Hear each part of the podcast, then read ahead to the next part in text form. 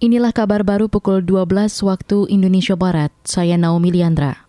Indonesia serius mengembangkan ekonomi digital yang adil dan bermanfaat bagi semua. Hal itu diungkapkan Presiden Joko Widodo pada acara ASEAN US Summit di Amerika Serikat. Kata dia, nilai ekonomi digital di Asia Tenggara diprediksi mencapai 330 miliar dolar Amerika atau setara 4 ribuan triliun rupiah pada 2025. Dan di Indonesia sendiri ekonomi digital diproyeksikan tumbuh 20 persen per tahun, mencapai 146 miliar dolar pada tahun 2025. Presiden Jokowi menambahkan Indonesia memiliki 2.300-an bisnis rintisan atau startup, termasuk dua dekakorn dan delapan unicorn. Jumlah itu merupakan yang terbanyak kelima di dunia. Jokowi berharap kontribusi dunia usaha Amerika untuk memfasilitasi pengembangan kapasitas digital Indonesia agar bisa masuk ke rantai pasok global. Sekolah di Yogyakarta diminta mewaspadai penularan hepatitis akut yang menyerang anak-anak. Ini menyusul diberlakukannya kembali pembelajaran tatap muka.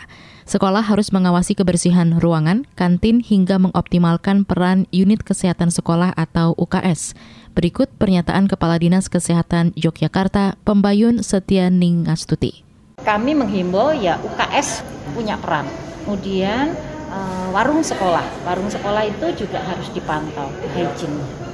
Saya pikir itu kerjasama dengan puskesmas itu menjadi jejaring yang baik. Selain itu, pembayuan juga meminta orang tua siswa memperhatikan gizi anak dan membiasakan gaya hidup sehat. Faktor kebersihan dan gizi menjadi kunci mencegah hepatitis akut yang sudah menyerang belasan anak di tanah air. Duta Besar Republik Indonesia untuk Ukraina Gafor Damaputra tutup usia. Kabar duka ini disampaikan juri bicara Kementerian Luar Negeri Teuku Faizasyah dalam keterangannya kemarin malam.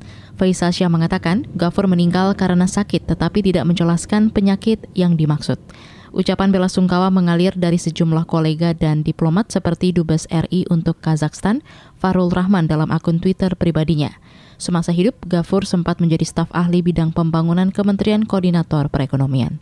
Almarhum juga pernah menjabat sebagai konsul jenderal RI di New York, Amerika Serikat, sebelum akhirnya dilantik sebagai dubes RI untuk Ukraina pada November 2021. Demikian kabar baru KBR, saya Naomi Liandra.